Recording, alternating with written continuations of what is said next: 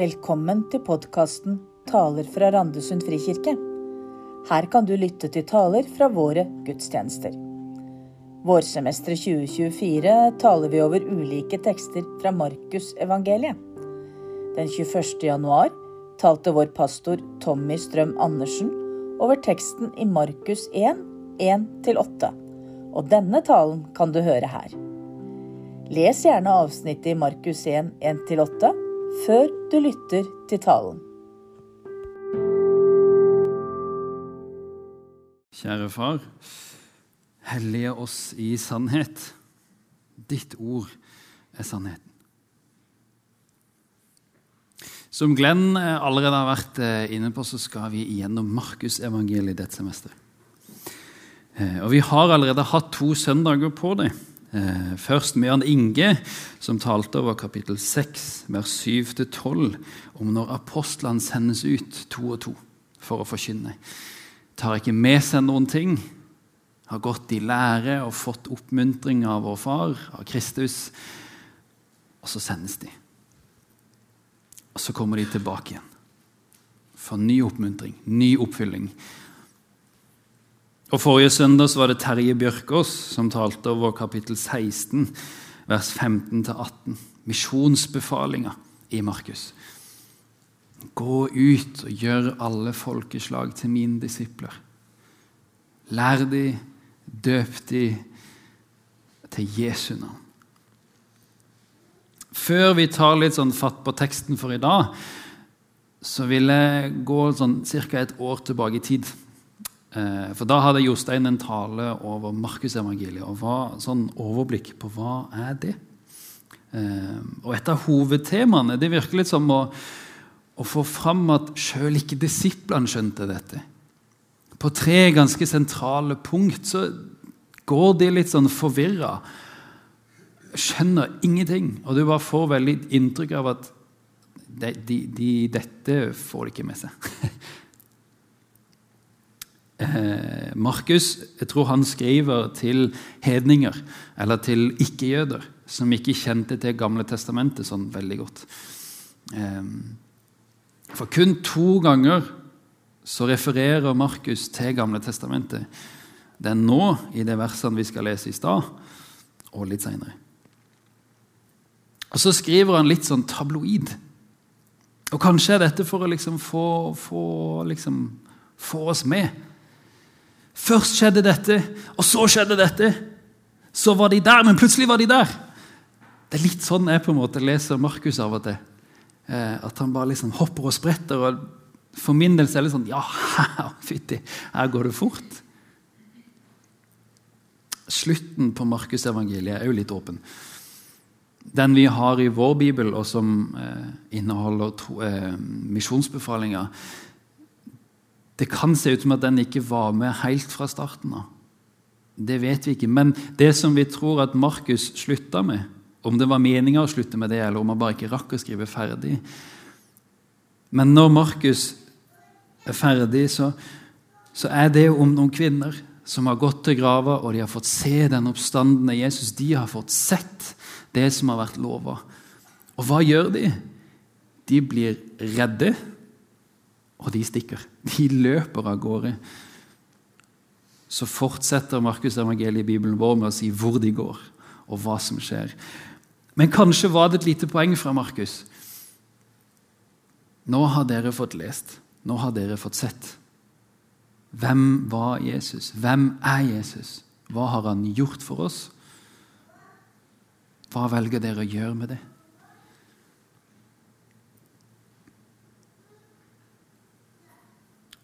Og så er vi inne i en kirkeårstid som heter åpenbaringstida.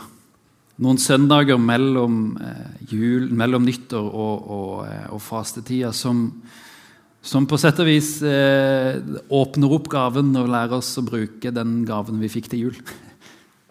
I jula så feirer vi at Jesus kom, og at han skal komme i den tida vi er inne i nå, og de tekstene vi har nå, så er det en sånn Ok, men hvem er han som kom? Hva gjorde han for oss? Det letter liksom litt på sløret, det trekker bort litt gardinene. Og gir oss et litt sånn innblikk i Dette er viktig, folkens. Så med det sagt, la oss nå lese sammen eh, Markus' evangelium, kapittel 1, vers 1-8. Her begynner evangeliet om Jesus Kristus, Guds sønn. Hos profeten Jesaja står det skrevet.: Se, jeg sender min budbærer foran deg. Han skal rydde veien for deg. En røst i roper i ødemarken. Rydd Herrens vei, gjør hans stier rette. Slik sto døperen Johannes frem i ødemarken og forkynte en omvendelsesdåp som ga tilgivelse for syndene. Fra hele Judea og Jerusalem dro alle ut til ham. De bekjente syndene sine og ble døpt av ham i Jordanelven. Johannes gikk kledd i en kappe av kamelhår og hadde et lærebelte om livet. Og han levde av gresshopper og villhonning. Han forkynte, 'Det kommer en etter meg som er sterkere enn jeg.' Og jeg er ikke verdig til å bøye meg ned og løsne sandalremmen hans. Jeg har døpt dere med vann, men Den hellige ånd skal døpe dere. Nei, med Han skal døpe dere, med Den hellige ånd. Det er kanskje litt rart at vi liksom Eller at når Markus skal begynne å fortelle om hvem Jesus var, så begynner han å snakke om en annen person. Så begynner han å snakke om Johannes. Men han begynner rett på sak. Første setning. Her begynner evangeliet om Jesus Kristus. Hvem er han? Guds sønn. Og så bruker han resten av evangeliet til å si til å begrunne akkurat det. Jeg gikk lenge, faktisk omtrent til jeg begynte å studere teologi, eh, og trodde at Kristus var litt sånn etternavn på Jesus. Det er det altså ikke.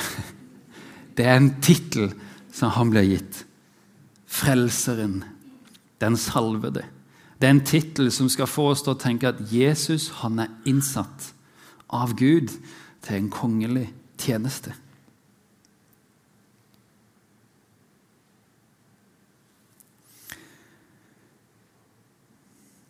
Og de begynner med døperen Johannes, disse gode nyhetene fra Markus om Jesus. Og jeg tror det begynner med Johannes for å få satt oss som lesere og andre lesere litt sånn i gang på at her skjer det noe. Nå skjer det. Markus begynner med å vise til Gamle testamentet og til en profeti om Jesus, som vi fikk lest opp litt mer av i stad også. Og det er helt tydelig for meg at Johannes han prøver å vise, altså knipse litt. Hallo! Folkens, nå skjer det. Nå kommer han. Nå kommer han som er venta. Han begynner med et slags sånn preludium, eller kanskje enda bedre, han begynner med en slags sånn vignett.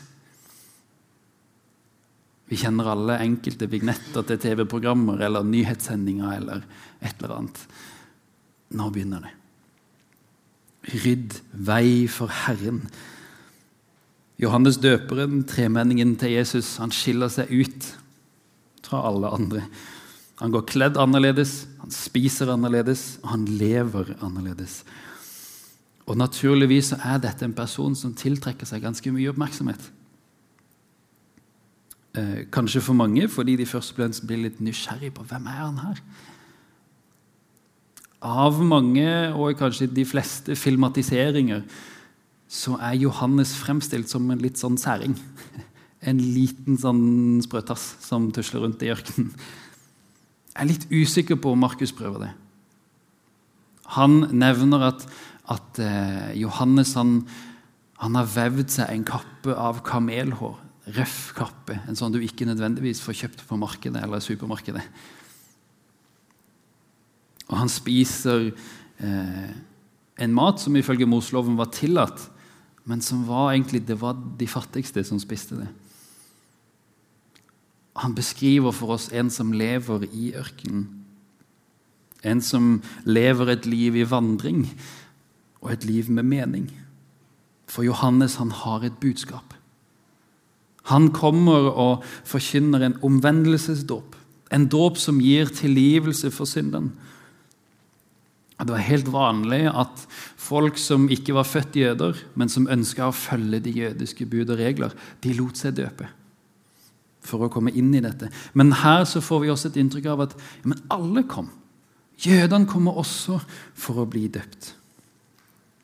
Og Vann og dåp er helt sentrale og kjente tematikker gjennom Bibelen. Israelsfolket hadde en slags dåp når de gikk gjennom Rødehavet, som forberedte de på livet og vandringa i ørkenen. På samme måte så hadde de en slags dåp når de gikk gjennom Jordanelva, inn i det lovede land, og ble forberedt der på det som skulle komme. Vannet er også sentralt i tempeltilbedelsen. Før prestene gikk inn i det aller helligste, så var de nødt til å rense seg. Dyppe hendene i vann rense seg rene. Og Jeg tror Johannes bygger på dette når han forteller om en dåp til omvendelse. Folk kommer til han og bekjenner det gale de har gjort. Det er som om de vender seg til Gud og ser sine egne handlinger i lyset av han og, sier, og blir enige om at ja, jeg bomma. Jeg har gjort det som ikke var godt, det som ikke var meninga. Kan du ta det bort fra meg? Og Jeg tror Johannes ga mange det de trengte der og da. En mulighet til å komme og til å bare få lessa av seg naboen som de baktalte, eller pengene som de unndro litt på skatten, eller hva det enn måtte være. Jeg tror han ga de et rom for å bare få gi slipp på det de visste var galt. Så vet Johannes også dette er bare forberedelsen. Dette er ikke engang begynnelsen. Og Det er nesten litt som bukkende brusepreg over det han sier med at det kommer en etter meg som er enda større og sterkere enn meg. Og han, han vet at han har en helt spesiell posisjon en helt annen posisjon enn det Jesus har. Selv om folk valfarta fra hele landet for å møte han og for å la seg døpe han, sikkert mange som har hylla han og løfta han opp, så vet han, sammenligna med Jesus, så er ikke han engang verdig til å ta på seg en slaves ansvar. Han skriver det at, eller det står her at han sa at 'jeg er ikke engang verdig å løsne sandalreima til han som kommer etter meg'. Og det var en slaves jobb å bære skoene til sin herre. Og Det er som om Johannes sier at 'jeg kan ikke engang begynne på den jobben'. Så liten er jeg i forhold til han. Og så vet han, kanskje enda viktigere enn det, den dåpen han gir, den er midlertidig. Den er bare utvendig. Det kommer en etter som skal gjøre noe uendelig mer dyptgripende og langvarig enn det han kan klare. Johannes vet at han er én røst. Han er ikke røsten. Han forbereder folket, alle folk, på at nå kommer det aller helligste til oss. Jesu dåp er mer dyptgripende enn den Johannes kommer med. Johannes ga en trøst og en slags sånn plaster på såret på det som hadde skjedd, på det som hadde vært. Men straks de stiger opp av vannet, så går de ut i solsteiga, varmt og godt. Og så fordufter vannet. Sånn er det litt med oss også når vi har bada oss. Ja, Så går vi ut av badekaret eller dusjen, og så tørker vi så trenger vi en ny sånn Vi trenger å gå inn i vannet igjen for å på en måte forholde oss blaute. Og Jeg tror det er noe sånt når Johannes peker på når han sier at det kommer en etterpå. For det er ikke sånn at de som lot seg døpe i Jordanelva, de synda aldri mer. Det er ikke sånn at vi her inne som har latt oss døpe eller blitt døpt som barn eller som voksne, det er ikke sånn at vi ikke synder mer. Vi trenger noe større. Vi trenger noe sterkere. Vi trenger noe som et menneske ikke kan gi oss, men som Gud kan gi oss. Teksten for i dag er etterfulgt av Jesu dåp. Jeg skal ikke bruke mye tid på den, men jeg vil pirke litt bort den likevel. For hvorfor skulle Jesus bli døpt? Vi leser jo her om at de, de som døper seg, de, var, de måtte bekjenne synd. Og så døper de seg. Men Jesus var jo syndfri. Hvorfor må han la seg døpe? Vel, han identifiserer seg med oss gjennom den dåpen.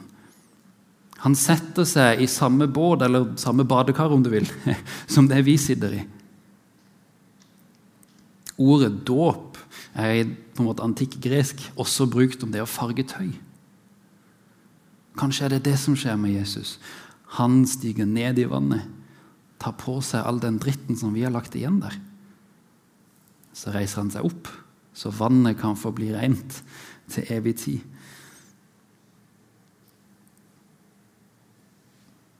Det blir et sånt som noen har omtalt som et salig bytte.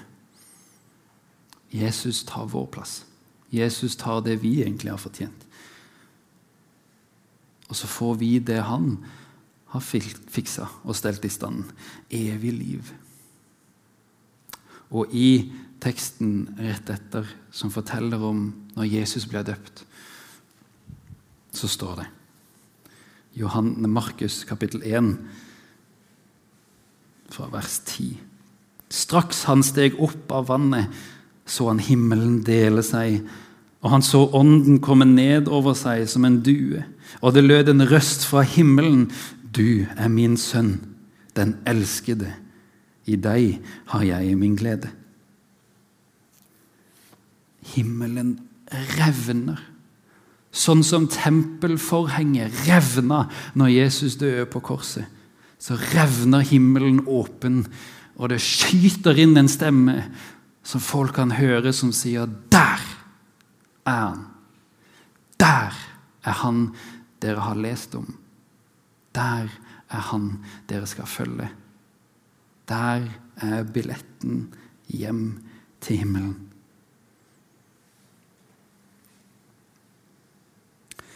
Gud brukte Johannes til å forberede folk. Han var ikke en høytstående politisk figur. Han var ikke en som bodde i et storslått hus og hadde en så langt vi vet, god utdanning innen lingvistikk eller retorikk, så han klarte å overbevise folk. Men Gud brukte han der han var. Gud så hva egenskaper Johannes hadde.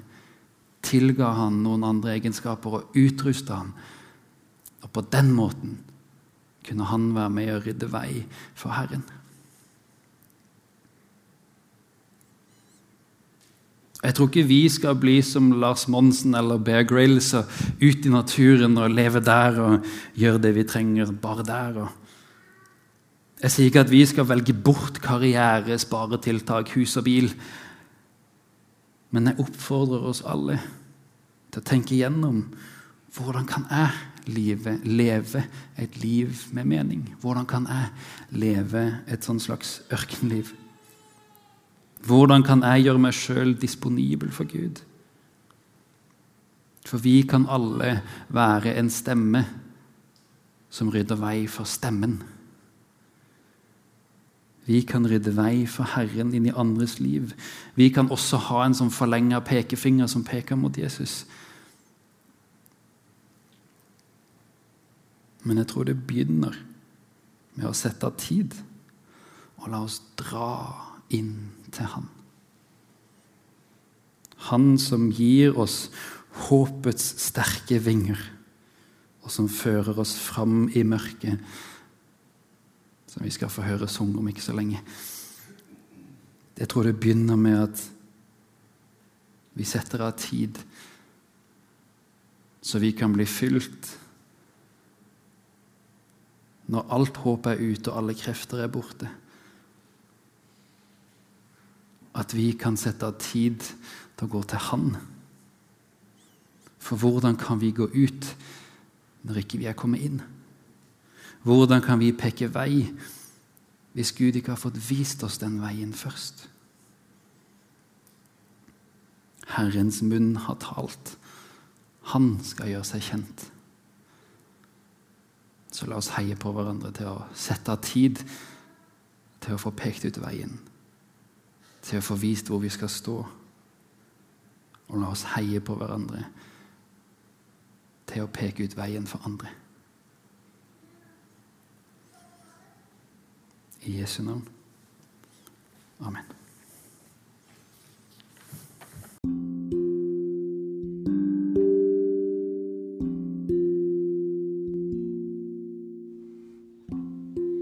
Du har nå lyttet til en episode i podkasten Taler fra Randesund frikirke.